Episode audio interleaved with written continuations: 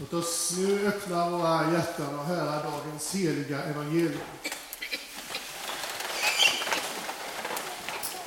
Från Lukas 13 kapitel. En gång undervisade Jesus sin synagoga på sabbaten. Där fanns en kvinna som hade plågats av sjukdomsande i 18 år. Hon var krokryggig och kunde inte räta på sig. När Jesus fick se henne kallade han på henne och sa Kvinna, du är fri från din sjukdom. Och så lade han sina händer på henne. Genast kunde hon räta på sig och hon prisade Gud. Men synagogsföreståndaren, som förargade sig över att Jesus botade på sabbaten, sa till folket Det finns sex dagar då man ska arbeta. På den kan ni komma och bli botade, men inte under sabbaten.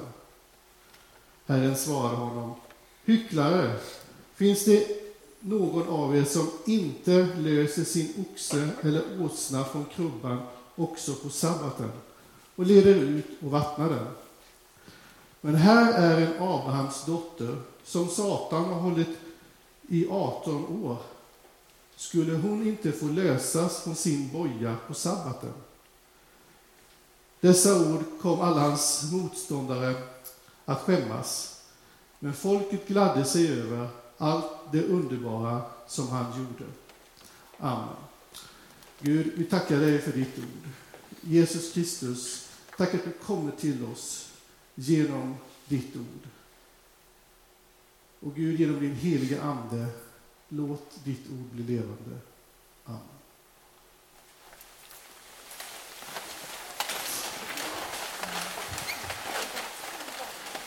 Frihet, jämlikhet, broderskap. Jag säger bara trikoloren. Jag säger bara franska revolutionen. Jag säger bara grunden för vårt moderna europeiska demokrati. Och det första ordet, det är frihet. Detta underbara, vackra, fantastiska men ack så slitna och lite komplicerade ord. Vid tiden för franska revolutionen fanns det i Sverige, när huvuden rullade i, i, i Frankrike på kungligheterna, så fanns det en svensk kung i Sverige som hette Gustav den tredje. Han var lite ängslig. Han älskade Frankrike. Han är den franskälskande konungen i vår historia. Och det är bara att åka till Drottningholm så förstår man varför man jämför med Versailles. Eh, slottet där utanför Paris.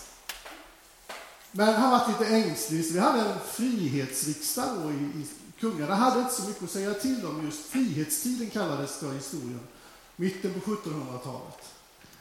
Men han blev ängslig där, Gustav III, och gjorde en statskupp och eh, införde ett slags totalitärt kunga, kungastyre. Men samtidigt så gjorde han också en, en, eh, han instiftade eh, Svenska Akademin i upplysningens anda för konst och, och litteratur. Och han eh, inför införde också en slags religionsfrihet så att judisk befolkning och katolsk befolkning i Sverige kunde leva ut och leva i sin religion. Han eh, avskaffade tortyren stort sett och han begränsade också dödsstraffet. Så det var lite paradoxalt. Tryckfrihetsförordningen som togs 1766, den eh, reviderade han och skärpte till. Men eh, efter Gustav eh, död så, så kom det tillbaka. Och väldigt tidigt så har vi i Sverige, trots den här statskuppen, och kanske tack vare Gustav IIIs reformer, liksom blivit marinerade med frihet i vårt land. Vi, vi, vi har friheten och freden så självklar i vårt land, så vi nästan är, vi nästan är förblindade. Vi är nästan snöblinda av frihet. Vi har väldigt svårt med det här frihetsbegreppet. När, när jag jobbade som ungdomspastor här i Växjö så bodde vi på vår familj på Adventsvägen 12 Saga.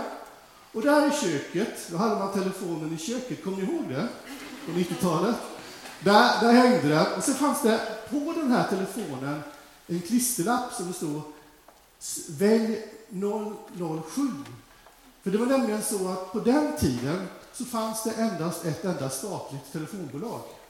Men då hade man fått friheten att kunna slå prefixet 007 och få ringa, fantastiskt, på det privata telefonbolaget Tele2. Det var frihet det. Minns ni? TV4 kom också. Ni som var med. Ja, underbart. Men idag, jag vet inte hur mycket frihet man känner när man går in i en telebutik och ska köpa en telefon. Och det är Samsung, iPhone 1, 2, 3, 4, 5, 6, 7, 8, XP, allt. Och det är telefonbolag och det är abonnemang. Det blir för mycket frihet och vi går vilsna i frihetsdjungeln i, i vårt land.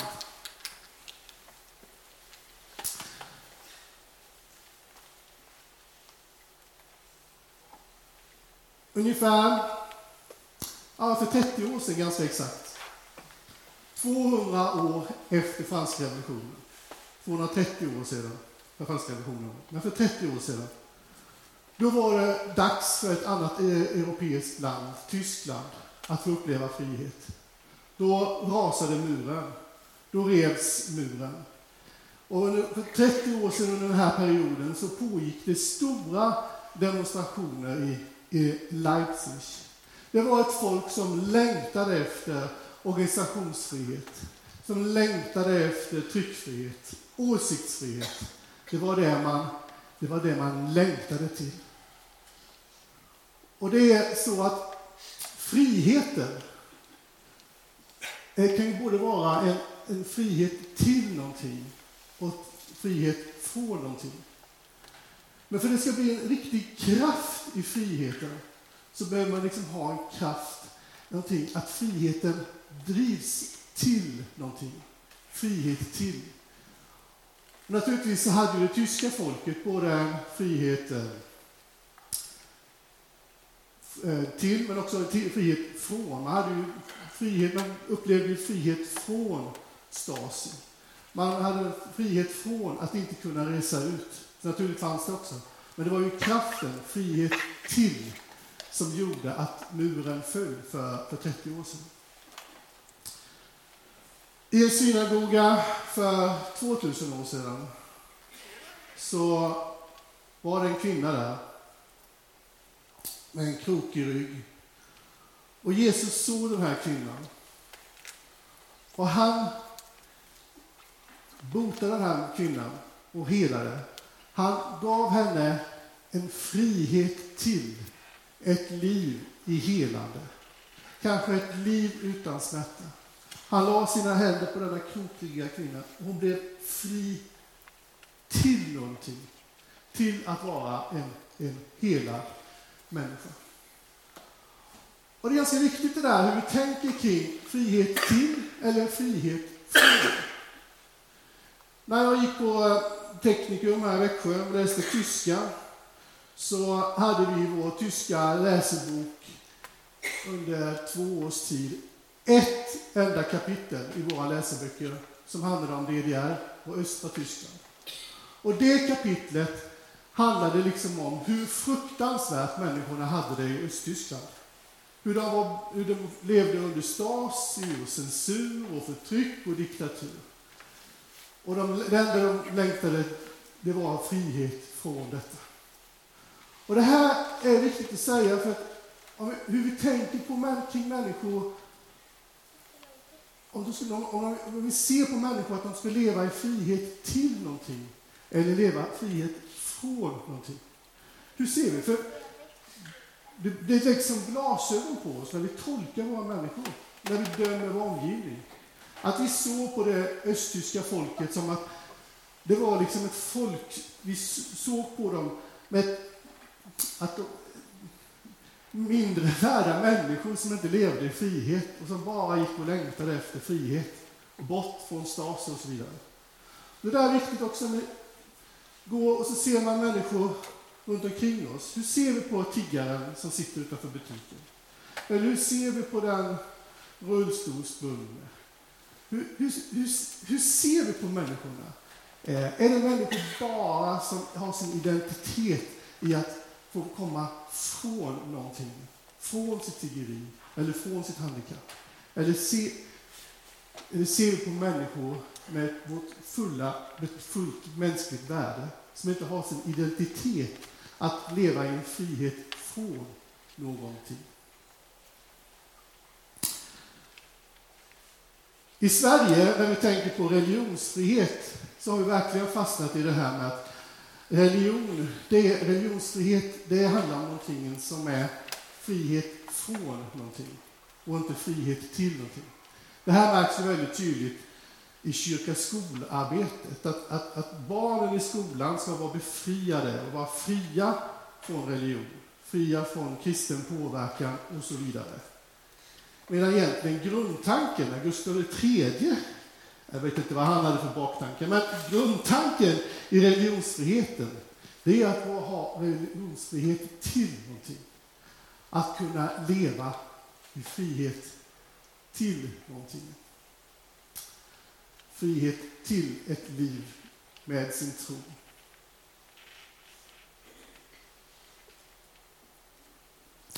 När vi läser vår bibel och framförallt när vi läser kanske den här, exempelvis när vi läser den här bibeltexten om hur Jesus eh, helar en kvinna på, på sabbaten. Då, då läser vi det med våra, våra svenska ögon. Och speciellt är då rubriken på söndagen Friheten i Kristus. Så, så läser vi kanske det med våra religionsfrihetsglasögon.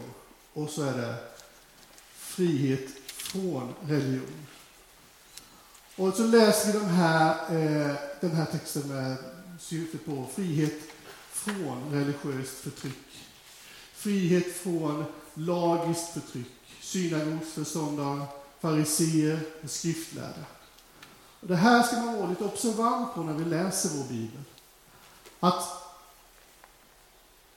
Jesus gjorde inte det här undret för att han minsann skulle visa för fariseerna att nu, nu ska vi bli fria från deras förtryck.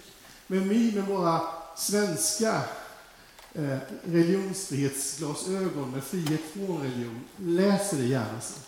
Jesus gjorde det här undret, det här helandet, för att han såg kvinnan och han ville ge henne en frihet till ett helande och till läkedom. Alltså frihet till religion. Friheten i Kristus. Och märk nu det här, att temat idag, det är friheten i Kristus. Vi talar om en frihet i bestämd form. Här mycket lärare jag blev då. Ja, jag tänkte på det. Historia och svensk grammatik och Okej, okay, är det bestämd form här. Friheten i Kristus. Det är en speciell frihet. Och det är en frihet som bara, som bara Kristus kan ge. Vi läste, vi hörde i inledningen på gudstjänsten här, hur skapelsen ropar liksom av, av befrielse. Och vi vet att det finns en som har genom sin uppståndelse besegrat döden och besegrat mörkret. Det är friheten i Kristus. Att få leva i, det, i den trons, dopets och den kristna gemenskapens frihet tillsammans och dela det här hoppets gemenskap. Amen.